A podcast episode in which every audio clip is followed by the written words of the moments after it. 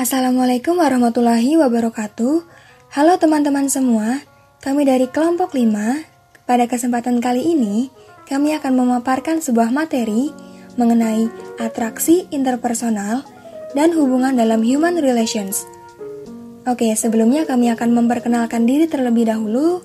Perkenalkan, nama saya Maya Pramesela. Lalu selanjutnya ada Lestiarini. Dan yang terakhir ada Alfirda Riani. Oke, tidak perlu berlama-lama lagi. Mari kita simak materi yang pertama yang akan disampaikan oleh teman saya, Lestiarini. Pertama, kita akan membahas mengenai pengertian interpersonal. Devito berpendapat bahwa komunikasi interpersonal adalah komunikasi yang terjadi di antara dua orang yang telah memiliki hubungan yang jelas, yang terhubung dengan beberapa cara. Contohnya itu ibu dengan anak, pasien dengan dokter, dua orang yang sedang wawancara. Selanjutnya itu tentang model komunikasi interpersonal. Jadi model komunikasi interpersonal yang pertama adalah model SR. Hakikatnya terdapat pada proses aksi reaksi. Maksudnya, apabila seseorang memberikan aksi, maka orang yang merupakan sasaran komunikasi akan memberikan reaksi berupa respon tertentu. Dalam hal ini, aksi yang dilakukan dapat berbentuk verba, isyarat, perbuatan, atau hanya sekedar gambar. Model kedua yaitu model Aristoteles atau model retoris. Teori ini memaparkan bahwa komunikasi terjadi apabila seseorang mulai menyampaikan pembicaraannya pada kalayak pendengar. Ada tiga unsur penting di sini, yaitu pembicara, pesan, dan pendengar. Jadi kalau misalnya e, kalian masih bingung, contohnya itu adalah pidato. Jadi ada satu orang yang berbicara, ada pesan yang ingin dia sampaikan, dan ada pendengar. Selanjutnya itu ada model Shannon dan Weaver. Berkomunikasi terjadi mengubah pesan atau transmitter yang berasal dari sumber informasi menjadi sinyal yang sesuai dengan saluran yang digunakan. Saluran adalah medium pengiriman pesan dari transmitter ke penerima. Jadi maksudnya di sini adalah bila diasumsikan dalam percakapan, maka sumber informasi adalah otak atau transmitter. Menyampaikan sinyal berupa suara yang akan disalurkan oleh udara atau channel menuju indera pendengaran atau receiver. Selanjutnya itu ada model uh, Komunikasi adalah interaksi dengan kedua pihak yang menafsirkan, balik, mentransmisikan, dan menerima sinyal. Oke, selanjutnya saya akan melanjutkan model yang berikutnya, yaitu model Wesley dan McLean. Wesley dan McLean merumuskan suatu model yang mengaitkan komunikasi antar pribadi, komunikasi massa, dan memasukkan umpan balik dalam proses komunikasi. Nah, menurut kedua pakar ini, umpan balik merupakan pembeda yang mendasar antara komunikasi antar pribadi dan komunikasi massa. Dalam komunikasi antar pribadi, seorang sumber dapat mengetahui umpan balik dengan segera karena efek atau pesan yang akan disampaikan langsung akan terlihat sesaat setelah pesan tersebut sampai ke sasaran. Akan tetapi, berbeda dengan komunikasi massa.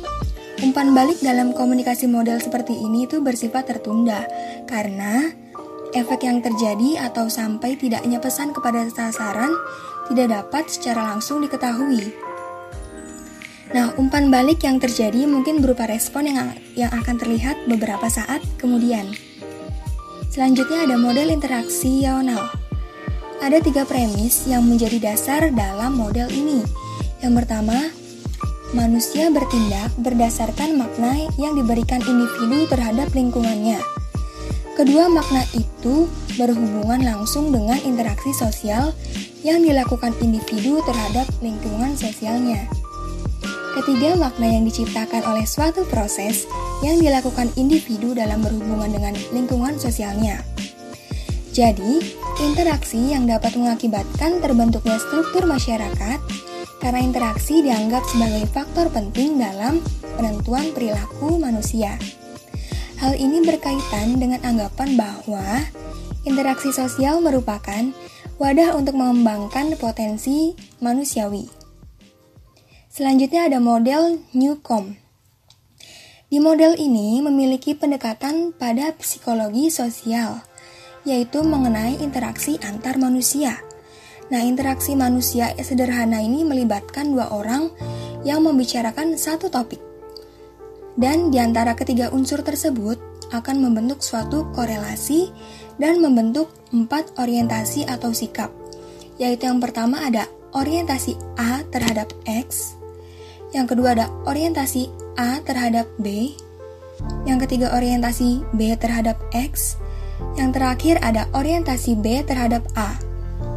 Nah, orientasi yang terjadi bisa berupa ketertarikan positif atau negatif tentang sikap senang atau tidak senang. Selanjutnya itu ada model dari TUPS. Model ini menggambarkan komunikasi yang paling mendasar, yaitu komunikasi antar dua orang. Nah, komunikasi pada model ini tuh diasumsikan uh, sebagai transaksi antara kedua pelaku komunikasi ini sebagai sumber yang merangkup sebagai sasaran dari sebuah pesan. Kedua proses ini bersifat timbal balik. Oke, selanjutnya di sini kita akan membahas prinsip interpersonal. Nah, menurut Harjana, komunikasi interpersonal ini memiliki ciri-ciri tetap antara lain Komunikasi interpersonal adalah verbal dan nonverbal. Dalam komunikasi interpersonal mencakup dua unsur pokok, yaitu isi pesan dan bagaimana isi itu dapat dikatakan atau disampaikan baik secara verbal maupun nonverbal. Yang kedua, komunikasi interpersonal itu mencakup perilaku tertentu. Ada tiga macam perilaku dalam komunikasi interpersonal, antara lain itu yang pertama itu ada perilaku spontan, yaitu perilaku yang dilakukan karena desakan emosi dan tanpa sensor serta revisi secara kognitif. Yang kedua, perilaku menurut kebiasaan. Nah, ini tuh perilaku yang kita pelajari dari kebiasaan kita. Yang ketiga itu ada perilaku sadar. Perilaku ini dipilih karena dianggap sesuai dengan situasi yang ada. Jadi sesuai dengan uh, perilaku sadar kita. Oke, selanjutnya itu ada komunikasi interpersonal ini merupakan komunikasi yang berproses pengembangan. Nah, komunikasi interpersonal ini tuh terjadi dan diawali dari saling mengenal secara dangkal, berlanjut makin mendalam, dan berakhir dengan pengenalan yang amat mendalam. Lalu yang keempat ini ada komunikasi interpersonal mengandung umpan balik, interaksi, dan koherensi. Lalu ada komunikasi interpersonal berjalan menurut peraturan tertentu. Agar komunikasi berjalan dengan baik, hendaknya itu mengikuti peraturan baik secara intrinsik maupun secara ekstrinsik. Yang keenam itu ada komunikasi interpersonal adalah kegiatan yang aktif. Komunikasi interpersonal ini terjadi bukan hanya komunikasi yang dari pengirim saja kepada penerima pesan dan sebaliknya, melainkan komunikasi timbal balik antara pengirim dan penerima. Yang terakhir itu ada komunikasi interpersonal saling mengubah. Nah, ini juga berperan untuk saling mengubah dan mengembangkan antara pihak-pihak yang terlibat dalam komunikasi.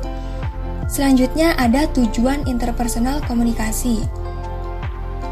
Di sini tuh ada bermacam-macam. Dan beberapa di antaranya itu adalah seperti mengungkapkan perhatian kepada orang lain, menemukan diri sendiri, menemukan dunia luar, membangun dan memelihara hubungan yang harmonis. Nah, oke selanjutnya materi akan uh, dilanjutkan oleh teman saya Alfirda Diani.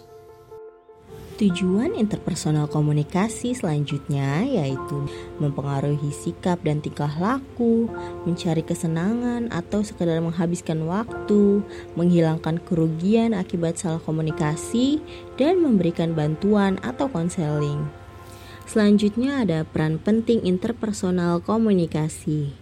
Komunikasi merupakan bagian yang penting dalam kehidupan kerja suatu organisasi Komunikasi yang tidak baik mempunyai dampak yang luas terhadap kehidupan organisasi. Misalnya, konflik antar pegawai dan sebaliknya.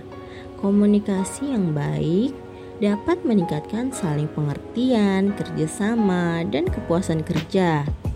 Dibanding dengan bentuk-bentuk komunikasi lainnya, komunikasi antar pribadi ini dinilai paling efektif dalam mengubah sikap, opini, dan perilaku komunikan. Karena komunikasi antar pribadi ini umumnya berlangsung secara tatap muka atau face to face. Selanjutnya ada hubungan interpersonal komunikasi. Ada tiga faktor yang dapat menumbuhkan hubungan interpersonal yang baik. Yang pertama yaitu percaya. Faktor percaya ini sangat mempengaruhi terjadinya proses komunikasi interpersonal yang baik. Sikap percaya itu seperti sikap menerima, empati, dan kejujuran. Selanjutnya, yang kedua ada sikap sportif yaitu sikap yang mengurai, mengurangi defensif dalam komunikasi. Jika seseorang yang tidak menerima, tidak jujur, dan tidak empati. Yang ketiga yaitu sikap terbuka. Sikap terbuka sangat besar pengaruhnya di dalam menumbuhkan komunikasi interpersonal yang efektif. Agar komunikasi interpersonal yang dilakukan dapat menumbuhkan hubungan interpersonal yang efektif, maka sikap dogmatisme harus dihapuskan dalam diri seseorang dan diganti dengan sikap terbuka pada lawan bicara kita. Selanjutnya ada upaya-upaya dalam meningkatkan hubungan interpersonal. Di dunia kerja ini, kemampuan komunikasi interpersonal yang baik sangat dibutuhkan untuk mempermudah kita dalam menyesuaikan diri dengan lingkungan kerja serta membangun kerjasama tim yang erat. Maka upaya-upaya tersebut yaitu pertama, tunjukkan senyuman. Jika kita memberikan senyuman pada orang yang kita temui pertama kali atau bahkan pada orang yang tidak kita kenal, tentu tidak akan sulit untuk memberikan senyuman pada rekan-rekan kerja. Sebaliknya, jika kita menunjukkan wajah yang kurang ramah, tentu saja orang-orang di sekitar akan sungkan untuk dekat dengan kita. Hal ini akan mendapat menghambat kita dalam komunikasi interpersonal. Maka jangan biarkan masalah yang kita alami menghilangkan senyuman kita di tempat kerja. Kita mungkin bisa berbagi masalah dengan rekan kerja, tapi jangan biarkan mereka membaca masalah dari wajah kita. Yang kedua yaitu upaya yang kedua yaitu jadilah partner yang pengertian dan perhatian. Kita tidak perlu sungkan untuk memberi pujian ketika rekan kerja kita melakukan sesuatu yang memang patut diberi apresiasi. Jangan pernah lupa juga untuk selalu berterima kasih untuk hal yang mereka lakukan untuk kita. Seberapa kecil pun itu. Selain itu, kita juga bisa menunjukkan perhatian dengan mengingat ulang tahun rekan-rekan kerja dan memberi selamat untuk setiap hal baik padanya dan juga menunjukkan simpati jika mereka mengalami hal buruk. Menghargai lawan bicara juga sangat penting untuk meningkatkan komunikasi interpersonal. Upaya berikutnya yaitu bangun kebersamaan. Mulailah dengan memperlakukan semua rekan kerja kita dengan perlakuan yang sama. Jangan biarkan satu rekan kerja merasa tidak lebih didengar daripada rekan kerja yang lain. Hargai pendapat semua orang dengan porsi yang sama, karena setiap orang memang memiliki hak untuk dipertimbangkan pendapatnya. Hal yang tidak kalah penting jika kita membangun kebersamaan untuk meningkatkan komunikasi interpersonal, jangan pernah bergosip. Kita pasti tidak akan sadar seberapa cepat gosip akan, akan tersebar di lingkungan kerja. Jadi, lebih baik hindari sejak awal. Upaya selanjutnya yaitu mendengarkan sebanyak kita berbicara. Mendengarkan lawan bicara sangatlah penting untuk meningkatkan komunikasi interpersonal. Jangan pernah lupa untuk menanyakan pendapat dan biarkan mereka mengambil bagian juga dalam percakapan. Meskipun kita mungkin adalah orang yang lebih suka berbicara, sedangkan rekan kerja kita tidak, maka kita harus tetap selalu bersedia mendengarkan mereka seperti mereka mendengarkan kita. Saat mendengarkan, kita juga harus menjadi pendengar yang aktif. Mungkin sebagian orang bercerita hanya untuk didengar, bukan untuk mendapatkan sebuah saran. Tapi bukan berarti kita hanya diam dan mendengarkan. Kita bisa memberi tanggapan seperti anggukan kepala untuk menunjukkan bahwa kita menyimak. Kita juga tidak boleh sesak kita juga boleh sesekali memberikan kesimpulan kecil dari yang telah mereka ceritakan untuk menunjukkan bahwa kita memang mengerti apa yang mereka ceritakan. Upaya selanjutnya yaitu tempatkan diri kita di posisi mereka. Komunikasi interpersonal yang efektif hanya akan terwujud jika kita tahu bagaimana mereka menempatkan diri di posisi orang lain. Empati adalah hal yang sangat penting ketika kita bekerja dengan orang lain. Jika sebelumnya kita sudah dapat menjadi pendengar yang baik dan selalu menanyakan pendapat orang lain, sekarang saatnya untuk lebih mengerti apa yang dirasakan orang lain dan juga melihat dari sudut pandang orang tersebut. Jadilah diri kita yang lebih peka dan berempatilah kepada orang lain. Upaya selanjutnya yaitu jangan banyak mengeluh. Seseorang yang mengeluh setiap saat akan membuat orang di sekitarnya itu tidak nyaman dan biasanya menjadi orang yang dihindari di tempat kerja. Mengeluh itu akan memicu munculnya energi negatif di sekitar yang tidak hanya buruk untuk diri kita, tapi juga untuk orang-orang di sekitar kita. Kendalikan diri kita dan jadilah orang yang selalu berpikiran positif. Setelah melakukan upaya untuk meningkatkan komunikasi interpersonal tersebut, maka kita juga tidak boleh berekspektasi pada siapa pun. Seperti yang kita ketahui, bahwa komunikasi interpersonal bukan hanya tentang kita, tapi juga tentang orang-orang yang ada di sekitar kita. Setiap orang memiliki sikap dan pemikiran yang berbeda-beda. Masih ada kemungkinan kita menemui orang yang tetap tidak dapat menyesuaikan diri dan memiliki komunikasi interpersonal yang buruk. Jika kita tidak berekspektasi, maka kita dapat terus meningkatkan dan menjaga komunikasi interpersonal dengan tanpa beban. Lakukanlah peran sendiri dan selalu lakukan sebaik yang kita bisa. Oke, sekian materi yang dapat kami sampaikan dari kelompok 5. Kurang lebihnya mohon maaf.